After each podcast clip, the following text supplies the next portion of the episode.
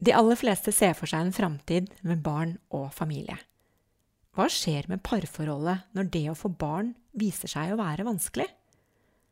Og hvordan oppleves forholdet til venner og familie som stadig minner deg på at du bør vel få barn snart? Og hva gjør en voksen kvinne når livet må defineres på nytt fordi ingenting ble slik hun hadde planlagt og håpet?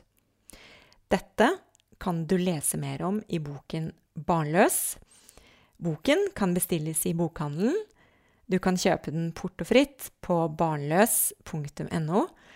Og hvis du sender meg en e-post, så kan jeg skrive en hilsen til deg i boken. Da sender du til boken barnlos i ett ord at gmail.com.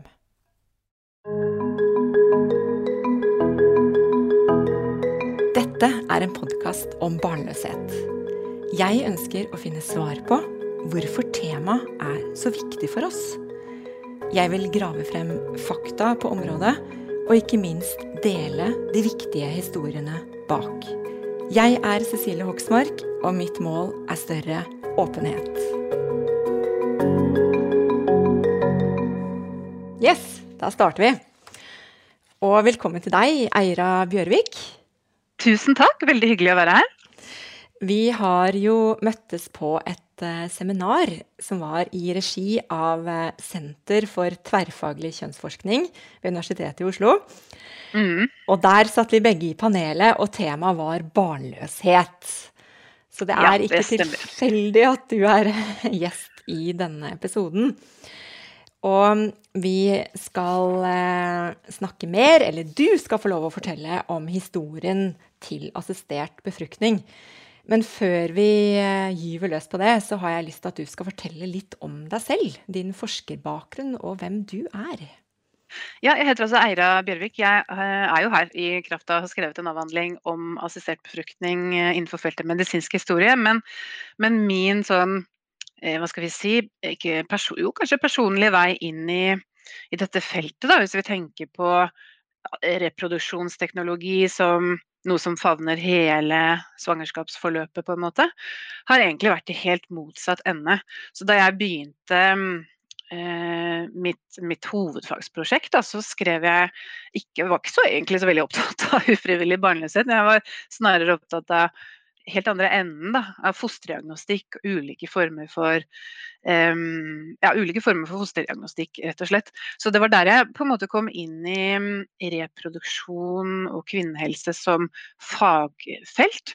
Uh, og så da jeg begynte på doktorgraden min, så kom jeg inn i et forskningsmiljø som hadde da forsket på kvinnehelse uh, i mange land og over mange perioder. Uh, og da, da falt uh, altså da, I forlengelsen av, av dette forskningsmiljøet så, så, ønsket jo vi da å se på historien om assistert befruktning. Men, uh, men jeg kommer jo egentlig fra den, fra den, andre siden, og det jo, skyldes jo noe så enkelt som at det, det som dreier seg om fosterdiagnostikk, ligger nærere opp til mitt liv og mine, min families problemstillinger knyttet til Eh, forplantning, rett og slett, eller det å få barn. Fordi i min familie så eh, har vi en del familiemedlemmer som er, har ulike former for uh, utviklingshemming. Noen skyldes rene tilfeldigheter, andre uh, har utviklingshemming fordi noen i familien er bærere av genetisk arvelig sykdom. Så, så vår liksom, slags sånn kollektive familiebevissthet har nok kanskje liksom, eh, sirkulert mer rundt problemstillinger knyttet til fosterdiagnostikk, etisk, moralsk vanskelige sidene ved det, enn en akkurat assistert befruktning. Men nå eh, Så, så det, dette med assistert befruktning har kommet inn mer som en sånn profesjonell interesse. Eh, når det er sagt, så tror jeg alle kvinner eh, kan, kan, relatere seg til akkurat dette temaet. Og menn, for den saks skyld. Du, skal vi uh, gyve løs på denne historien, da? Jeg har jo bladd ja. gjennom doktorgraden din, og hvis jeg ikke bommer helt, da, så skal vi tilbake til 1920-tallet og fram til nåtid, eller i hvert fall 2000-tallet. Og der skriver du om eh, en dame, det er i prologen i boken din, da, om ja. en dame som heter Karin Johansen.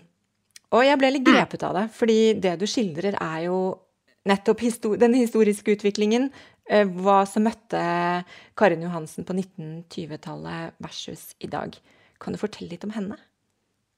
Ja, jeg eh, skal bare si sånn for lytternes del at Karin Johansen er selvfølgelig et fiktivt eh, navn.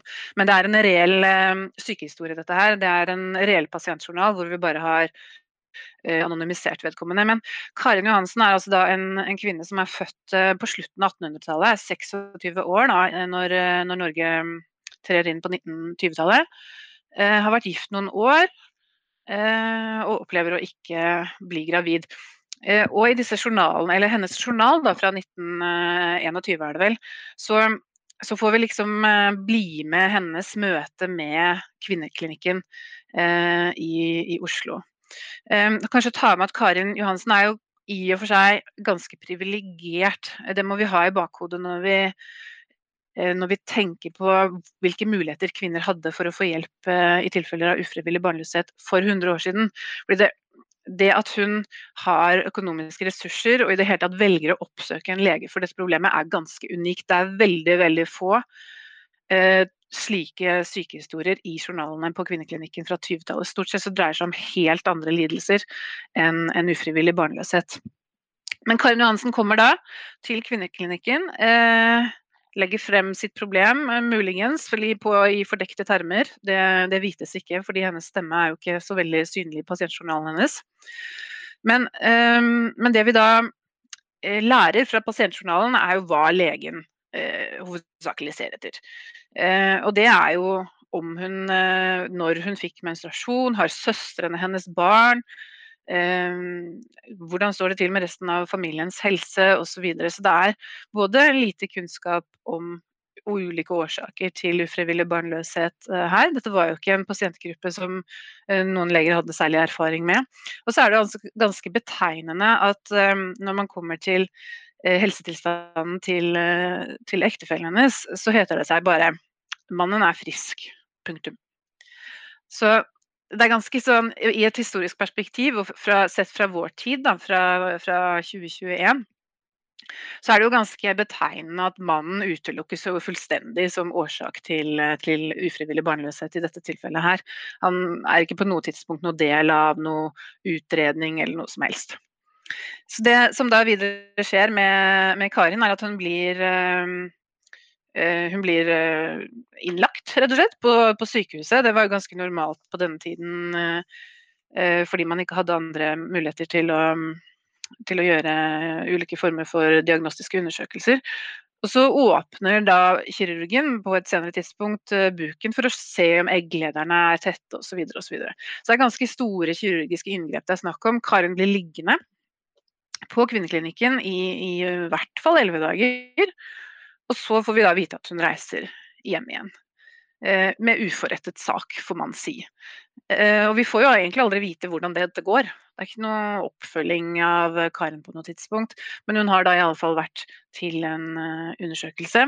Og sannsynligvis fått beskjed om at uh, hun må gå hjem og se tiden an, eller at dette er en skjebne hun bare er nødt til å akseptere. Mm. Og så er det noe med dette um synet på barn som en ressurs. Mm. Som med historiske øyne så er det jo lett å se at det var det jo. De var jo arbeidskraft. Og man måtte få mange barn fordi mange barn døde, osv. Men så var det noe som eh, skremte meg litt, og det er at eh, jeg syns det kan ligne litt på dagens situasjon. Hvor nasjonen Norge også trenger flere barn, altså flere ressurser. Hva mm. tenker du om det?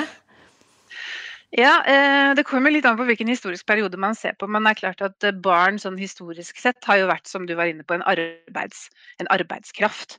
Um? Man trenger barn for å, for å få denne familiebedriften til å gå rundt. Men så har jo levestandarden endret seg, og i dag så er jo ikke barn arbeidskraft på samme måte, kanskje. Men det er jo absolutt uh, interessant at det er en, er en slags sånn gjennomgangsklang som, som kommer opp eh, ved jevne mellomrom opp gjennom historien. og Det ser vi også de siste, de siste 100 år. Nå var du inne på, ikke sant. Ehm, tidligere har jo du også vært inne på dette med Erna og flere barn og sånn. Men når vi går, hvis vi tar, går tilbake til ehm, Nå var vi innom 1920-tallet. Hvis vi strekker oss litt lenger inn i 1900-tallet, til eh, ja, etter like etter annen verdenskrig, så kommer også dette spørsmålet opp. Hva Eh, eller denne ubrukte, forestilte ubrukte ressursen som finnes blant de ufrivillig barnløse. Unnskyld, barnløse. Ehm, etter krigen så sitter helsedirektør Karl Evang i en ganske sentral posisjon i, i Norge. Eh, og han mener da at nå vi må få på en eller annen måte utnyttet denne ressursen av ufrivillig barnløse. Vi kan ikke ha det sånn i nasjonsbyggingens tid etter krigen at en av, ett av ti ekteskap forblir barnløse. Og den argumentasjonsrekken førte til at det, altså et av hans prosjekter her var å legge frem en argumentasjon som kunne gjøre det um, sosialt, moralsk, etisk litt mer spiselig uh, å anvende eller benytte seg av inseminasjon eller sæddonasjon, som vi i dag kaller det. Eh, så det var en argumentasjonsrekke som, som, på en måte tok sikte på å bygge opp under at det kunne være greit å, å benytte seg av en tredjepart da, for å få ekteskap til å bli full, fullendte familier. Og um, vi startet med 1920-tallet. Men hvordan mm. har denne utviklingen gått, da, hvis vi nå sier at dette handler om assistert befruktning fra 1920-tallet og frem til i dag? Ja. Altså På Karin Johansens tid så var det jo ikke noe som het assistert befruktning, det var eh, kirurgi. Men det, som, det, vi da ser mot slutten av 20-tallet, da eh, finner vi i arkivene de, de, aller første veldig spredte forsøkene på å benytte seg av eh, sæddonasjon. Men det er altså ferskvaresæddonasjon, det var jo lenge før fryseteknologien dette her. Så skjer det i og for seg ikke så voldsomt mye før etter annen verdenskrig, som jeg var litt inne på. Da kommer igjen dette spørsmålet om sæddonasjon løftes liksom litt mer opp i, i, den kollektive bevisstheten. Er dette noe vi kan er dette, er dette, greit å drive med? Fremdeles er det veldig lite andre alternativer for ufrivillig barnløse. Det er hovedsakelig kirurgi. Og det den kirurgien gjør, er stort sett å produsere flere infertilitetskasus enn egentlig å hele noe som helst. Um, ja, eh, så kommer eh, denne sæddonasjonen på banen. Kommer i litt mer institusjonaliserte former på, på 70-tallet. Og så er det jo dette slags revolusjonerende som skjer, at prøverørsteknologien også kommer til Norge.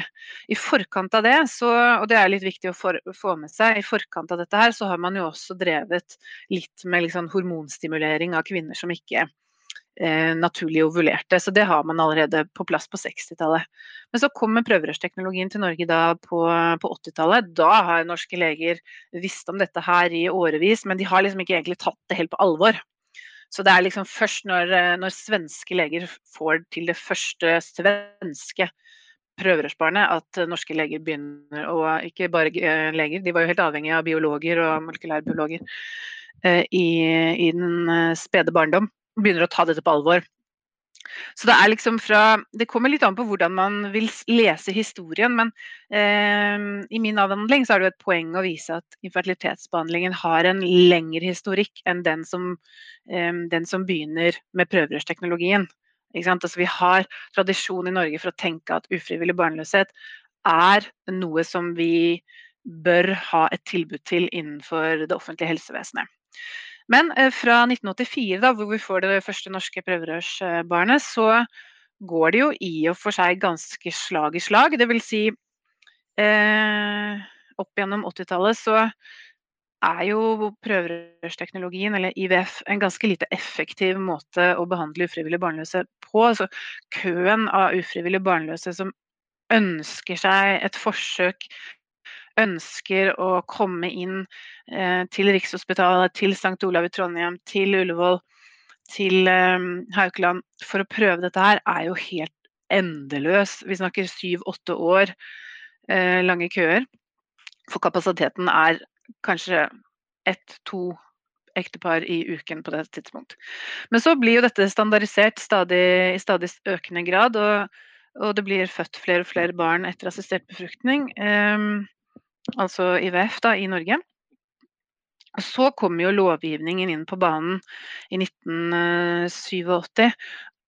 Og etter det Det er altså da verden Norge får den første bioteknologiloven. Det er den første av sitt slag i verden. Og etter 1987 så er det jo egentlig lovgivningen som har forsøkt å styre dette, dette feltet. Um, det kan vi kanskje komme tilbake til hva slags lovmessige endringer det har vært. Men de siste som kanskje mange har fått med seg, kom jo nå i fjor, hvor, hvor vi nå er egentlig eh, blitt såpass liberale da, at vi både har Eh, sæddonasjon for, eh, for enslige kvinner, og eggdonasjon er også da tillatt, selv om ikke det er et reelt tilbud ennå. Jeg mm, tenkte også på det du sa om eh, fokuset på mannen, og på en måte en sånn mm. innrømmelse at infertiliteten kunne ligge hos eh, mannen. Og der beskriver du at det skjer et skifte fra 1960-tallet, hvis jeg ikke husker feil. Og jeg tenker jo at det er veldig sent. Ja, det kan du si. Altså, eh, det er jo Altså, det, det, var jo ikke slik at norske leger ikke forsto at mannen kunne være årsak til ufrivillig barnløshet før 1960-tallet. Det tror jeg nok de, de utmerket godt uh, kunne forstå. Men um, vi må jo også huske på at det var allerede både bare for kvinner en kjempehøy terskel i det hele tatt oppsøke hjelp for dette problemet. Fordi stigmaet knyttet til ufrivillig barnløshet og denne ideen om at infertilitet eller ufrivillig barnløshet er et lodd i livet. ikke sant? En skjebne av flere som du bare må akseptere. Gjorde at terskelen for å, å oppsøke lege var så høy um, at veldig få gjorde det. Hvis du da i tillegg skulle klare å forsøke på et eller annet vis å få med deg mannen din, så var det nesten en uoverkommelig oppgave. Um, men når det er sagt, så jo, trekkes jo dette, denne mangelen på vilje til å fullstendig ta inn over seg at mannen kan være årsak til barnløsheten, den trekkes jo med videre. Og vi kan jo egentlig si den dag i dag at aversjonen mot eh, å forske på og forsøke å behandle sterilitet hos menn er, er ganske påfallende. Fremdeles i dag så behandles kvinner for mannens problem. Det skjer med IVF, det skjer med ICSI. Eh, ja, det er vel kanskje de mest sentrale teknologiene. Um, og det er jo også jeg tenker at det kanskje er verdt å nevne her, siden det er en ganske sånn uh, hyppig, stadig mer hyppig historie i norske medier om dagen, er jo dette med barn som er blitt unnfanget med ukjent donor 70-, 80-, 90-tallet. Um, eh, altså, I dag så har jo alle barn som er unnfanget etter assistert befruktning med bruk av donor, rett til å få vite hvem vedkommende er, hvis det er unnfanget i Norge. Um, men men, men, hvis vi ser historisk på det, så var jo årsaken til at man var så opptatt av å hegne om hemmelighold og hegne om anonymiteten, var jo nettopp å beskytte fars fertilitet, på en måte. ikke sant? I det øyeblikk du innrømmer at ja, vi har måttet benytte oss av en donor, eller uh, er åpen om det, så sier du også fordi far er infertil, eller fordi det var fars skyld, da, i gåseøynene. Um, Uh, ja. og hvorfor skulle det egentlig være et større problem? Jeg er, ikke, jeg er, litt usikker. Det virker som om det er kvinnen som tar all belastningen uansett.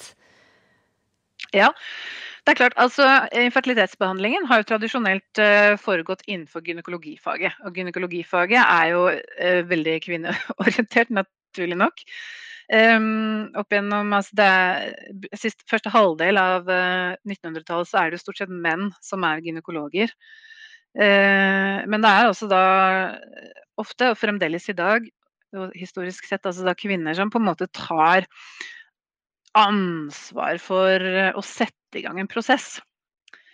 For å finne ut av sant, hva er årsaken til at vi ikke blir gravide, og hvorfor er det slik.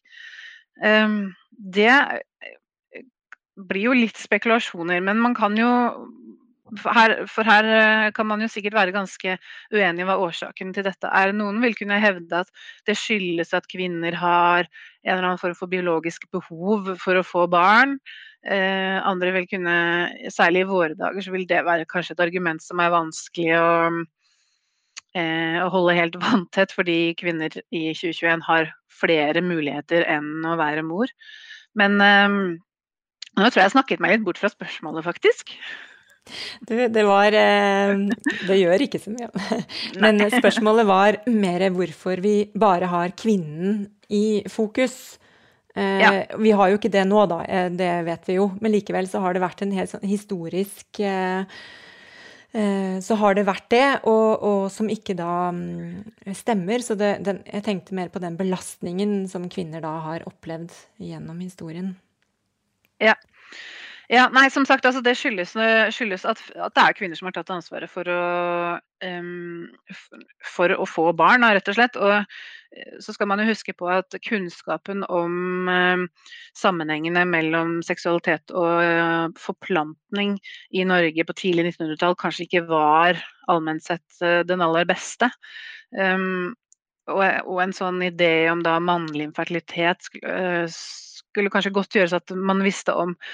Men som jeg var inne på også, så tror jeg mye av forklaringen også er å hente nettopp i dette at det er gynekologien som har ehm, som på en måte tok dette problemet ufrivillig barnløshet under sine vinger da, på 1900-tallet og, og, fremover. Og det er et fag som er kvinneorientert.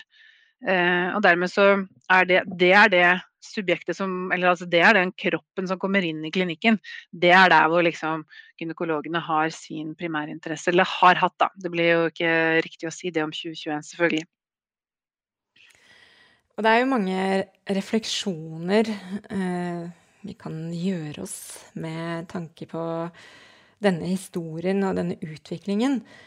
Og jeg fikk en det, Jeg syns det var en blanding av at det både var politikk med en utvikling av en velferdsstat, og det gikk et skifte fra at det bare var naturen som regjerte, til at mennesker kunne komme inn og styre og få mer kontroll. Um, og hva tenker du, Eira? Hva forteller denne historien oss? Ja, um, den forteller oss jo en, en hel rekke ting om Um, ja, om, om uh, ikke bare, altså det er jo mange nivåer å se dette på. Da. Man har Én ting er utviklingen innenfor hvordan vi tenker om uh, forplantning og hvilke muligheter vi har, men historien om reproduksjon eller reproduksjonsteknologi i Norge er jo, viser det seg, også en historie som har en en voldsom tendens til egentlig å reprodusere seg selv. Hvis vi går f.eks. tilbake til 50-tallet, så var det opphetede, intense, følelsesladede debatter om ehm, det moralske og etiske sidene ved å tillate sæddonasjon f.eks. Og disse debattene, man kan nesten klippe og lime dem inn i 2020-debatter, eh, 2019-debatter om eggdonasjon f.eks. Ehm, så det vi kan se, som er kanskje det mest interessante, er at det norske, ikke bare det norske samfunnet, men internasjonalt sett også, og sammenlignet med våre naboland, vi har en helt oppsiktsvekkende evne til å alminneliggjøre endringer i måtene vi lager barn på, relativt raskt. Det er ofte mye kontrovers. Det var det også med prøverørsteknologi, det må vi ikke glemme. På tidlig 80-tall så var det mange som mente, eh, og virkelig fra bunnen av sitt hjerte, at dette var eh, en veldig skummel vei å gå. Legene leker Gud. Dette er farligere enn atombomben. Disse barna kommer til, det kommer til å gå dem ille. De kommer til å bli mobbet. De kommer til å bli kalt prøverørsbarn, sprøytebarn eh, og gudene vet. Men så viser det seg altså at i løpet av relativt kort tid så, så alminneliggjøres disse måtene og, Eller andre nye alternative måter å, å eller produsere, og, og lage barn på. Eh, og så er det jo også det å bemerke, tenker jeg, da, at eh, som kanskje er en litt sånn skyggeside ved eh, reproduksjonsteknologi og det norske Eh, og europeisk og internasjonalt tilbudet om assistert befruktning, er jo at det går jo ofte veldig galt. Være, det er jo en teknologi basert på håp som kanskje kan bli for noen et eh, ganske nifst eh, hamsterhjul av stadig nye muligheter som du kanskje ikke så lett kommer deg ut av, fordi det er alltid noe uprøvd, særlig i et ganske uregulert internasjonalt kommersielt reproduksjonsmarked. Men, ehm, men siden du spør hva, hva viser historien oss, så tror jeg vel eh, det, det, det, mest riktige er å si at historien viser at vi har en veldig, veldig utpreget evne til å, til å, alminneliggjøre disse endringene og alminneliggjøre bruk av teknologi. Og det er det kanskje verdt å eh, stille spørsmål ved om er så sunt. Og jeg har et spørsmål her som jeg bare kviet meg litt for å stille, men nå, nå mm. kommer det, da. Og ja. det er eh, Vi snakket om dette med, mm, med din eh, innfallsport til dette emnet, og at det mm. har med genetisk eh, eh, annerledeshet, kan vi kanskje si, i din familie og fosterdiagnostikk. Og da er mitt spørsmål må alle få barn? Ja, det er jo et stort eh, spørsmål som har selvfølgelig veldig avhengig av kulturell kontekst. Men hvis vi nå tar utgangspunkt i Norge, siden det er uh, her vi er, så kan vi vel kanskje si at um, altså I utgangspunktet så, så det mest overordnede må jo være at det å få barn er frivillig. Og så er jo da spørsmålet bør de som da er bærere av ulike former for sykdom få barn, eller bør de mm, få hjelp til å eh, få friske barn, eller eh, ikke få disse barna som de eventuelt kan videreføre sykdommer til. Og det er jo eh, et kjempevanskelig spørsmål, men eh, jeg tenker at Det er på mange måter litt sånn filosofisk og eksistensielt spørsmål også. fordi med en gang man stiller det spørsmålet Nå er det jo slik i Norge at uh, hvis man er bærer av uh, ulike former for um, arvelig sykdom, så kan man få hjelp til å uh, La oss si, si, det litt brutalt, da, unngå det. Men jeg tenker noe som i forlengelsen av dette her, så må man jo også Eh, og da, da, Nå er jeg mer privat enn egentlig profesjonell eh, akademiker her. Men da må man jo også stille spørsmålet hva er det som er et godt liv? Du kan jo ha et godt liv selv om du har en arvelig genetisk sykdom f.eks. Eller altså du eh, ja, hva hva er, et godt liv? Er, er, det ikke et godt liv uh, å være utviklingshemmet? Jo, men det kan det vel være. Så det, det bringer jo opp en sånn kjempestor uh, um, paraply av veldig vanskelige etiske og moralske spørsmål. Og der tror jeg vi alle egentlig kan legge oss litt på hjertet at vi ikke At vi holder oss litt i tømmene over å eh, liksom være eller dømme andres valg, da. Jeg syns ofte, særlig hvis vi nå skal komme inn på debatt om fosterdiagnostikk, så syns jeg ofte det kan bli litt sånn det er vanskelig å diskutere ja, fordi det kan bli veldig følelsesladet. Men det, vi må kunne klare å ha en debatt og stille de vanskelige spørsmålene sånn som du gjorde nå, uten at det devaluerer verdien av de livene som allerede finnes. At vi må kunne klare å diskutere bruk av fosterdiagnostikk uten å si at hvis du benytter deg av det, så er det implisitt en uh, nedvurdering av mennesker som lever med ulike former for utviklingshemming eller, eller arvelig sykdom. Mm. Hva er det mest overraskende som du har eh, funnet når du har sett på denne historiske utviklingen? Det mest overraskende fra et sånn 2021-perspektiv syns jeg eh, var at eh, dette spørsmålet om å tillate sæddonasjon for enslige kvinner kom på banen allerede på 1950-tallet.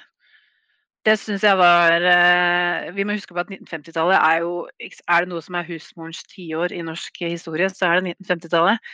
Og at uh, helsemyndighetene skulle legge det frem som et sånt reelt lovforslag, det syns jeg var oppsiktsvekkende og, og, veldig interessant. Og, ikke bare fordi det liksom eh, fremstår som veldig radikalt og ekstremt liberalt eh, et forslag eh, for allerede da 70 år siden. Men også fordi at det sier en hel del om hvordan man tenkte rundt årsaken til at man liksom skulle innlemme mm, infertilitetsbehandling i det norske helsetilbudet. Og grunnen til det, altså det man sa da man uh, la dette på bordet da nå, må vi ha sæddonasjon til enslige kvinner, var nettopp dette som jeg var inne på tidligere. At kvinner har, har, kan ha et biologisk behov for å få barn. Derfor må også enslige kvinner få dette tilbudet. Og det var jo en slags, det var et delargument i den, i den større argumentasjonen som handlet om at det å få barn eh, det er en så normal og sunn forventning til livet at det må vi ha et tilbud um, om å hjelpe de som da ikke får det. Altså, For frem til da så hadde man tenkt at ja, nei, får du ikke barn på egen hånd, så kan det skyldes ikke sant? skjebne, eh, umoralsk aktivitet før ekteskapet osv. Men nå skulle man tenke på dette som en helt sånn sunn normal innstilling, innstilling til, eh, til, livet. Eh, og det tenker jeg er greit å minne seg selv på når man står i de mest sånn eh, oppjagede debattene om bruk av reproduksjonsteknologi, er at det er jo grunnleggende sett et ganske humant prosjekt, dette her. Selv om det ofte går galt, og selv om det finnes absolutt diskutabel bruk av reproduksjonsteknologi, så er det, er det jo grunnleggende sett et, eh, et humant prosjekt som handler om å forsøke å hjelpe mennesker med å oppnå noe som de fleste kan forstå er en normal forventning til livet. Du nevnte, Eira, disse eh, nye lovmessige endringene som har kommet med bl.a. Eh, eggdonasjon. Og så vet vi mm. at vi har vært litt bakpå, i hvert fall når vi sammenligner oss med andre europeiske land, og også Sverige og Danmark. Er det sånn at vi har hengt etter hele veien? Ja, altså hengt etter og hengt etter. Um, Norge var som sagt første, det første landet i verden som fikk en lov om assistert befruktning i 1987. Den var i alt vesentlig forfattet av legene selv. Og Grunnen til det var at man var eh, kjemperedde for at eh, prøverørsteknologien skulle bli forbudt. Så man måtte snarest mulig få et uh, juridisk rammeverk her innenfor hvilket man kunne drive med dette. Og så har jo da denne lovgivningen blitt justert og revidert opp gjennom de siste 35 årene. Eh, og mange vil nok si at sammenlignet med våre naboland og en del andre europeiske land, med kanskje unntak av Østerrike og Tyskland og Sveits, eh, så har vi hatt ja, vi kan si bakpå, vi har hatt en ganske regulert, ganske streng da, i gåseøyne lovgivning. Og hva er årsakene til det? Altså jeg tror En av de mest sentrale årsakene er at frem til uh, nå nylig så har KrFs eierskap til familiepolitikk i Norge vært eh, ganske, ganske, sterk. Um, så det har vært en ganske sånn eh, Hva skal man si Altså kvinners og kvinner og menns mulighet til å benytte seg av assistert befruktning har blitt litt en sånn politisk kasteball. Ganske lett for andre fordi det er, har vært så vært så viktig for KrF og for familiepolitikken til KrF, så har det vært en ganske sånn mm, hva skal vi kalle det for noe, en, en lett kapital å, å, bytte andre politiske saker i. Så man, man kunne gi KrF eh, en, eh, at man, Det KrF vil, ville ha med at nå skal vi ikke ha anonym donor f.eks., vi skal ikke ha nei, unnskyld, vi skal ikke ha eggdonasjon, mot at Høyre, Frp, Arbeiderpartiet får andre ting. Fordi det er ganske økonomisk rimelig da, å, å etterkomme. Um, men sånn som det er i dag, så er vi jo ganske på linje med, med de øvrige landene. Særlig etter de siste liberaliseringene, da, med at eggdonasjon også, uh, også blir tillatt. Mm. Selv om det kanskje var mange år hvor det var kun tillatt i utlandet, og det medførte at mange reiste ut av landet, og det kanskje tvang seg på en endring. Absolutt. Um, ja, absolutt. Altså, Norge har jo hatt uh, mye, mye eller hva skal vi si, fertilitetsturisme ut av landet. Og Det tenker jeg er en av de tingene vi er nødt til å begynne å snakke litt mer om. Er, det er en ting er at vi liberaliserer norsk lovgivning og tillater noen av disse tingene som, som nordmenn har reist til utlandet for å gjøre. Men nordmenn vil fremdeles reise ut av landet for å gjøre ting som ikke er tillatt i Norge. Og vi, alt, vi snakker altfor lite om kvaliteten på de tilbudene i eh, ja, særlig Øst-Europa, men også andre, andre land. Vi, sender, vi, har, vi liksom eksporterer litt noen sånne moralske problemstillinger eh, uten at vi egentlig har kontroll på, på hva, dette, hva, dette, betyr for de det gjelder. Mm. Og det vi heller kanskje ikke har kontroll på, det er jo hva som hva som kommer rundt neste sving, hvor denne utviklingen drar oss. Har du noen tanker om det? Ja, nei, altså jeg eh, Nå har vi jo tatt noen eh, syvmilssteg her nå med denne, eggdona, denne eggdonasjon, med eggdonasjon og, og sæddonasjon til enslige kvinner eh, i 2020. Så det kan jo ta noe tid før det skjer noen ytterligere liberalisering. Vi må huske at når vi tillater ting, så betyr jo ikke det at det står et fikst ferdig medisinsk tilbud der. Så når vi får dette reelle tilbudet om eggdonasjon på plass, er jo sannelig ikke godt å si. Men jeg tror nok vi kan regne med at det som kommer til å mm, komme opp eh, som et gjennomgangstema etter hvert, er jo skal vi tillate ikke-kommersiell surrogati. Altså altruistisk surrogati, surrogati som ikke eh, hvor vedkommende kvinne ikke får betalt, eller får en symbolsk form for betaling for, for det liksom Eh, arbeidet da, hun gjør ved å bære frem et barn. Det tror jeg kanskje kan tvinge seg frem som, eh, som en problemstilling.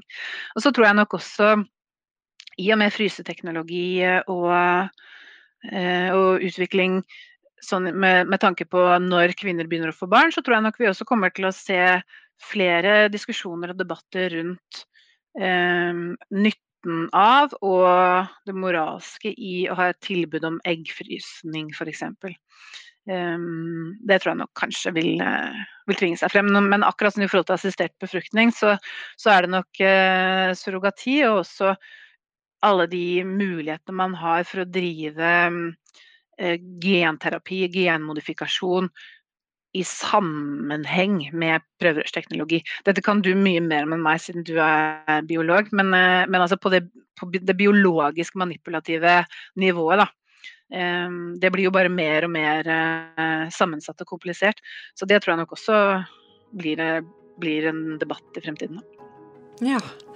Du, tusen takk for denne samtalen, Eira. Jeg syns du har bidratt til noe veldig viktig her. Det er spennende å høre på deg. Du er flink til å fortelle. Tusen takk for at jeg fikk komme. Takk.